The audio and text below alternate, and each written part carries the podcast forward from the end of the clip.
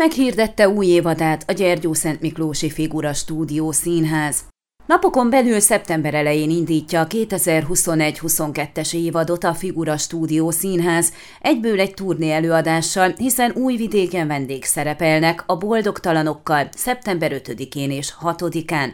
Nagy kihívás lesz ez a turné, fogalmazott Ábú István igazgató az új vidéki fellépés kapcsán, de kiemelte azt is, hogy a hamarosan induló évad egy nagy útkeresés lesz, ugyanis még mindig több tényező befolyásolhatja tevékenységüket, de már nem a akkora a bizonytalanság, mint az előző évben.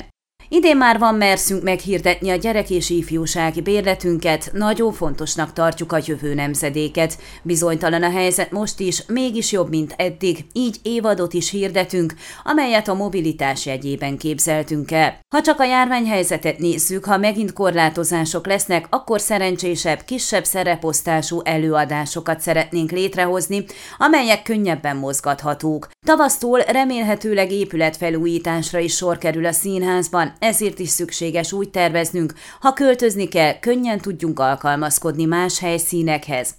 Öt új előadással készül a figura, már szeptemberben bemutatják Kolozsi Borsos Gábor egyéni előadását, a Bort, Márko Eszter rendezésében, amelyet zenés gasztropucsként határoznak meg az alkotó. Október folyamán Pierre de Marivaux drámája alapján mutatják be következő előadásukat Szeretők címmel, amelyet Viski André állít színpadra. A további próbafolyamatok közül kettő párhuzamosan zajlik, az egyik műben kizárólag színésznők, a másikban férfi színészek játszanak majd. A gyermek és ifjúsági bérletet több korosztályra bontották le, a jegyek ára változatlan, a gyermekek 20 leírt válthatnak bérletet, amely négy koruknak megfelelő előadást tartalmaz. A nyár folyamán sem pihent a társulat, hazai és külföldi turnékon, fesztiválokon vettek részt, a boldogtalanokat Kisvárdán a Shakespeare összes rövidítve című előadást Záhonyban és Székelyudvarhelyen, a Tótékat Gyulán játszották.